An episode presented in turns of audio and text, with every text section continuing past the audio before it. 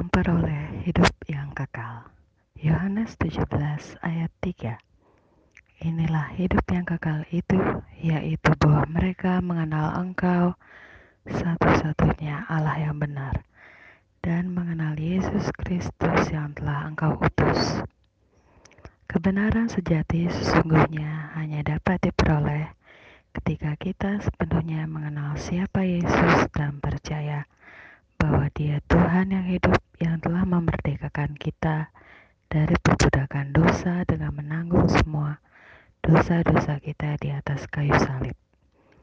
Melalui Roh Kudus, kita dimampukan untuk berdoa. Dia Tuhan yang juga sudah memberikan solusi atau jalan keluar atas permasalahan hidup kita, yaitu di dalam Alkitab.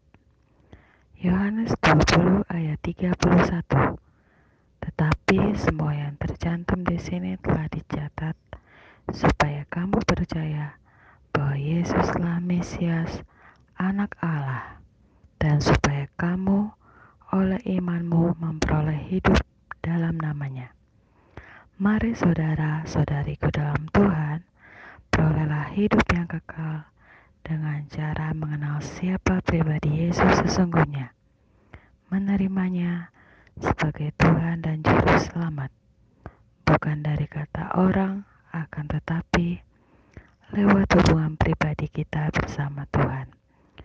Tuhan Yesus menyertai kita hari ini. Amin.